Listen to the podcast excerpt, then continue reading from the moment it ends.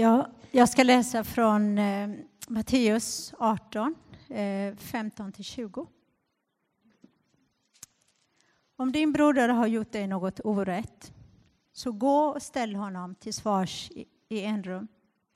Lyssnar han på dig har du vunnit tillbaka din broder. Men om han inte vill lyssna, ta du med dig en eller två till, för att på två eller tre vittnesmål ska varje sak avgöras. Om han vägrar lyssna på dem, så tala om det för församlingen. Vill han inte lyssna på församlingen heller, betrakta honom då som en hedning eller en tulldrivare.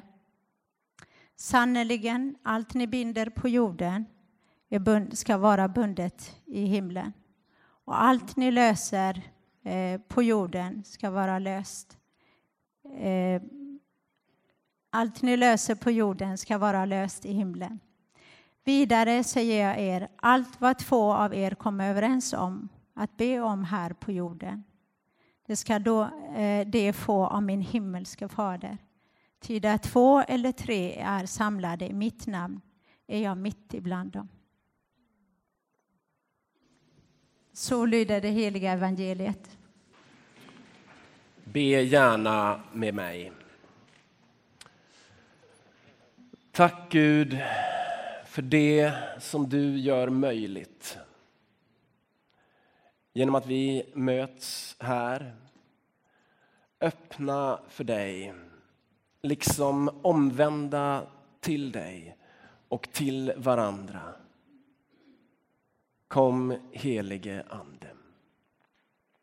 Amen. Förlåtelse utan gräns. Det är en grundplatta för kristen tro. Det är det som man som kristen står på och lever av. Det syns tydligt i den gammaltestamentliga läsningen som finns till eh, idag. Från Första Mosebok 50. Där berättas det om Josef. Josef som många av er känner till. Josef eh, såldes av sina bröder till, till handelsmän som slav. Hamnar i ett annat land, i Egypten och eh, genomled där både det ena och det andra och hamnade efter olika vedermödor i en väldigt mäktig situation. Han blev kan man säga en av världens mäktigaste män. Och i det läget, när han sitter på världens samlade matreserver på grund av sin egen visdom och, och den rikedom som fanns i Egypten, så sitter han där och då dyker de upp. Och nu är maktbalansen förskjuten och eh, han väljer att förlåta sina bröder. Och så hänvisar han till Gud. Gud har valt att eh, använda det onda som ni gjorde till någonting gott för många människor. Och han förlåter. Detta är en urberättelse inom den kristna tron och den ligger väldigt nära Jesus berättelsen. Jesus som gör gott, blir förrådd av en av sina egna, genomlider tortyr och mord och i detta fortsätter att förlåta. Och sedan dör och uppstår och kommer tillbaka och förmedlar frid och förlåtelse. Förlåtelse utan gräns i kraft av sitt offer så visar han på Guds oändliga kärlek som gäller oss var och en här inne och i hela världen. Förlåtelse utan gräns. Så radikalt, så nästan omänskligt radikalt så att det är lätt om man är uppvuxen i en kyrka att liksom ha vant sig vid detta. Att man inte ser det radikala, det oerhörda.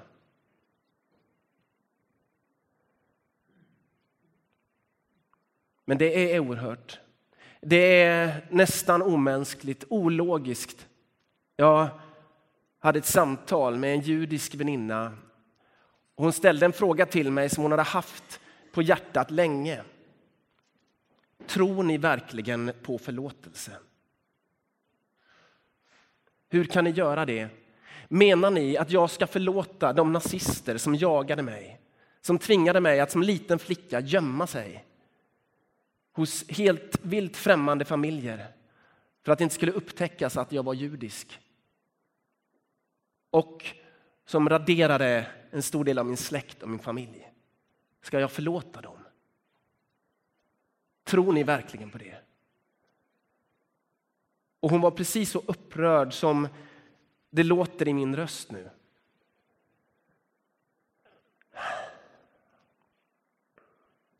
Kan allting förlåtas? Jag menar att min judiska väninna har en väldigt viktig poäng. Att det finns ett visst slarv med förlåtelsen. Att förlåtelse utan gräns riskerar att bli en klyscha som till slut mister sin kraft, liksom verkningslös.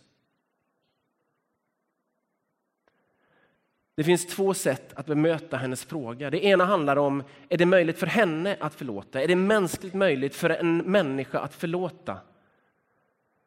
Och där verkar det som att Jesus säger att ni ska förlåta, inte bara sju gånger utan sju gånger 70 gånger, alltså oändligt många gånger. Och predikan skulle kunna handla om hur det ens är möjligt. Jag ska inte gå den vägen, det gör vi en annan gång. Utan jag ska istället titta på den slarviga användningen där vi slänger ur oss att ja, allt går att förlåta. Det som finns i en skämtteckning på nätet där en kvinna, man ser att hon är i himlen och så får hon plötsligt syn på den man som våldtog henne. Och så frågar hon liksom, vad gör han här? I himlen? Och då säger han, ja, jag bad om förlåt precis innan jag dog och nu är jag här. Alltså, den förståelsen av förlåtelse, när förlåtelse blir något lättvindigt. Därför jag tror det finns som ett konkret problem. Och vad har vi för text för det? Vad har vi för text för att behandla det? Jo, vi har en text som Saba har läst från Matteus 18, 15 och framåt. Och den texten den fungerar som en varningstext för den som vill ägna sig åt förlåtelse utan gräns. Därför detta är en så kraftfull medicin att precis som med många kraftfulla mediciner så följer det en bipacksedel. Ni vet en sån här liten skrynklig sak som man viker upp. Eller som man kanske inte så ofta viker upp egentligen för man orkar inte läsa, det är för smått. Och det är för mycket och det står på finska.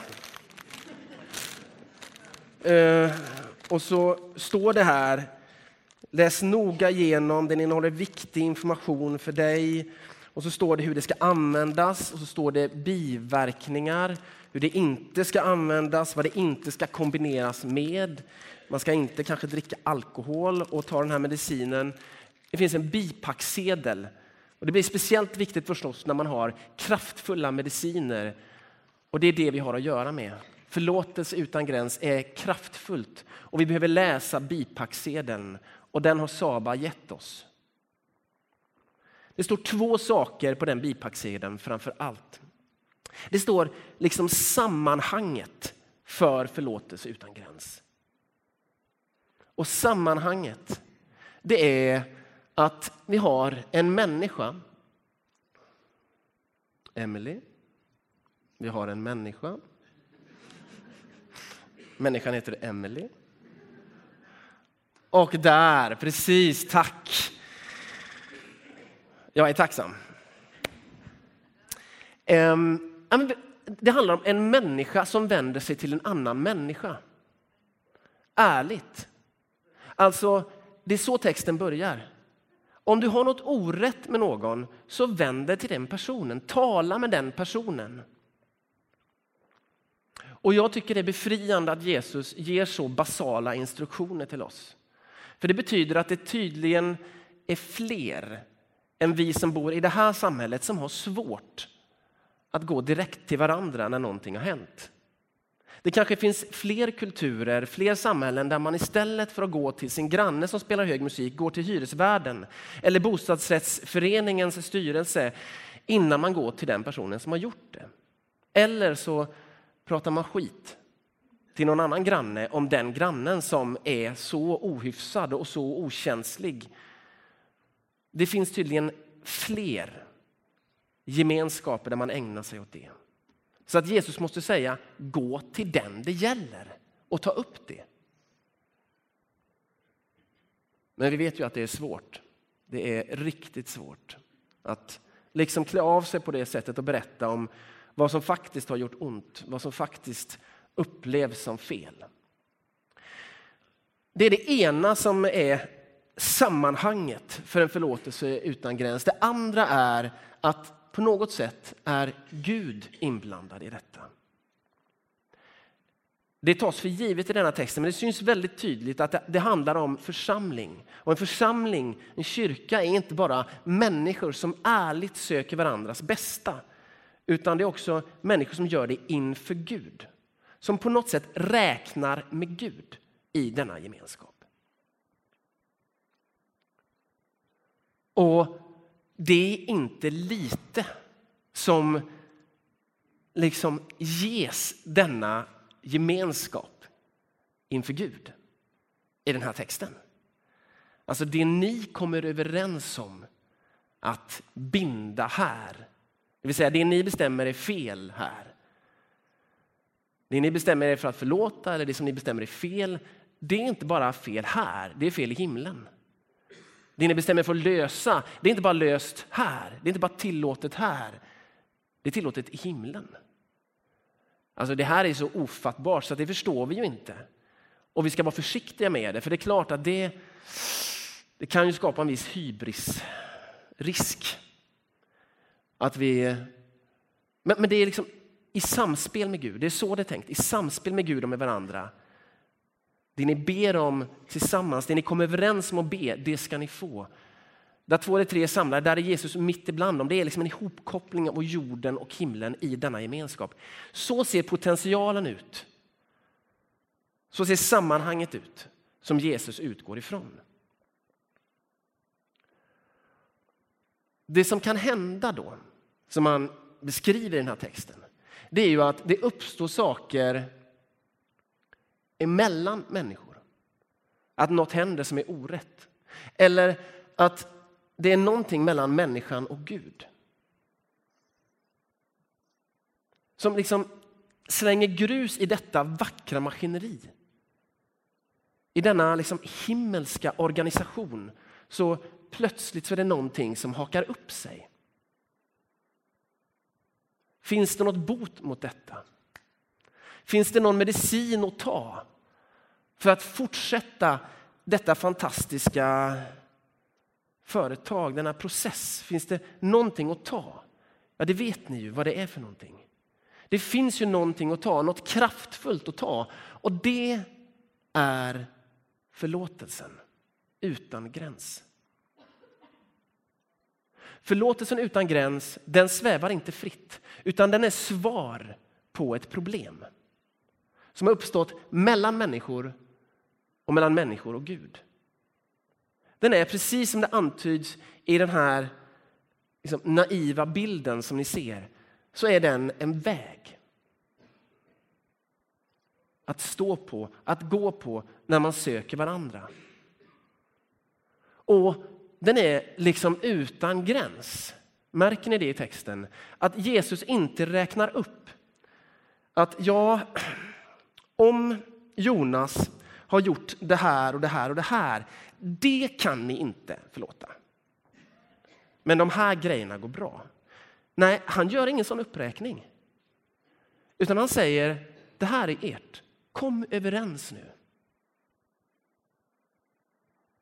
I förlåtelsen så är det möjligt. Och den är mellan er och den är inför Guds ansikte. Jesus spesar inte mer, så att säga. Det finns liksom en slags gränslöshet där som är oerhörd. Ett förtroende som är oerhört. Ja, det var den första delen av bipacksedeln. Ett förtroende har getts, problem har insetts och en kur har rekommenderats. Om vi fortsätter läsa på bipacksedeln och, och liksom drar ut konsekvenserna av det som står, då ser vi också vad som eh, kan gå snett.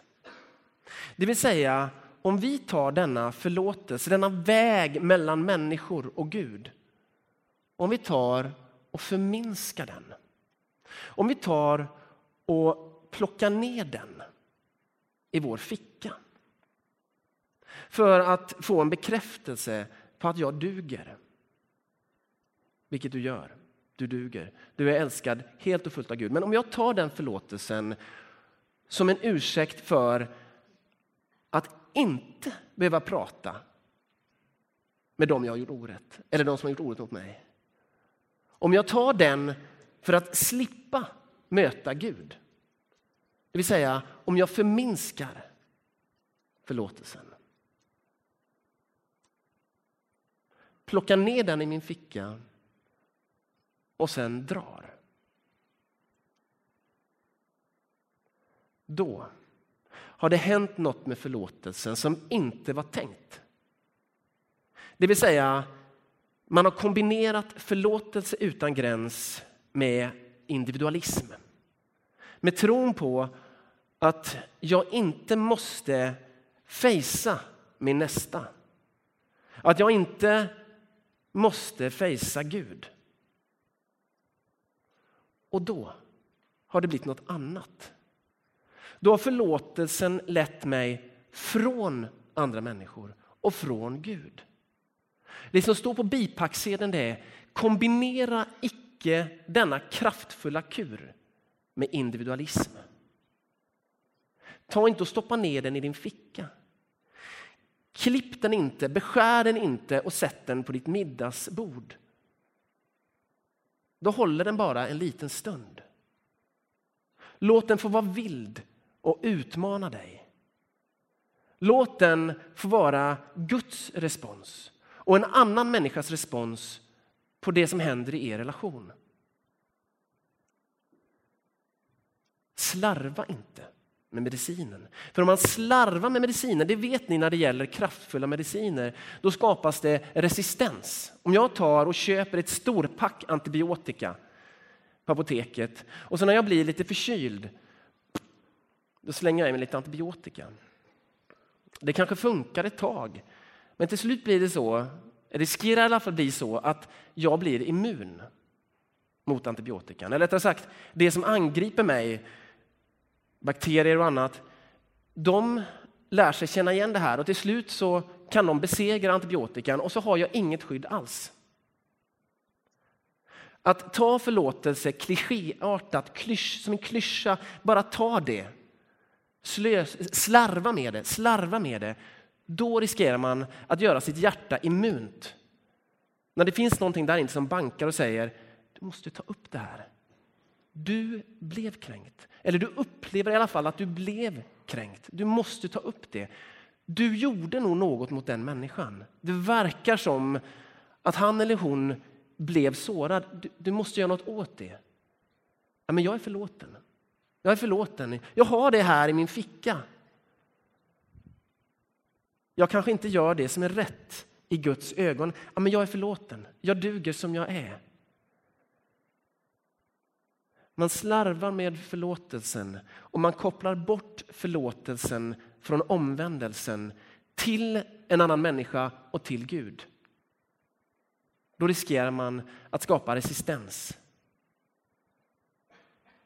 i sitt eget samvete. Man har liksom skapat en bekräftelse utan utmaning, utan utveckling, utan växt som du var inne på Jonas. Alltså samtalet som utmanar, som gör att jag kan växa. Vi behöver växa. Är ni med? Att man kan slarva med förlåtelsen. Däremot kan man inte slösa för mycket med förlåtelse. Det här är konstigt. Jag vill skilja på att slarva, att kombinera förlåtelse med individualism och med en icke-omvändelse, om man får säga så. Det är slarv. Men slösa, det kan vi inte göra nog med förlåtelse. Alltså, om vi tar förlåtelsen och slösar med den, låter den genomsyra allt vi är och allt vi gör. Att vi låter det flöda över av förlåtelse på riktigt. Den förlåtelse som gör att jag vågar ta kontakt. Fastän jag skäms något så otroligt mycket över att jag reagerar på det här sättet. Om jag då är impregnerad med nåd, som vi säger ibland i den här kyrkan, förlåtelse utan gräns, då kanske jag vågar ta upp det. Om jag är impregnerad med förlåtelse utan gräns, då kanske jag vågar lita på att även om det känns som att Gud omöjligt kan älska mig efter att jag har vänt mig bort från honom, så vågar jag det ändå. För att jag har impregnerat mig med förlåtelse utan gräns. För att jag har gått på sådana här gudstjänster där det liksom svämmar över oss. Förlåtelse utan gräns i sånger. I, från bordet så flödar förlåtelse utan gräns. I förbönsrummet förlåtelse utan gräns. Så att jag vågar vända mig. Så att jag vågar vända mig till andra människor och till Gud.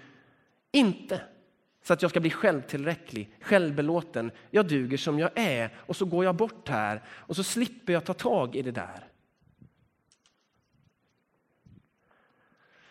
Kan man skilja så på slarva och slösa? På engelska är det, är det liksom snyggare, där är det lavish. Jag pratade med Birgitta som har om tolkningarna innan. Lavish, att liksom överflödande, låta det flöda över med förlåtelse. Så att även om jag har hamnat långt bort så finns det en väg tillbaka. Och jag behöver den typen av förlåtelse utan gräns. Därför att jag är så bra på att vara individualistisk, på att vända mig bort från människor och från Gud. Det är någonting med mig som bara tycker det är så skönt att slippa smärtan, osäkerheten. Jag menar, hur trevligt är det att umgås med en Gud som är helt igenom god när man själv inte är det? Alltså om man själv är uppblandad, jag vet inte hur det är med dig, men jag är liksom uppblandad.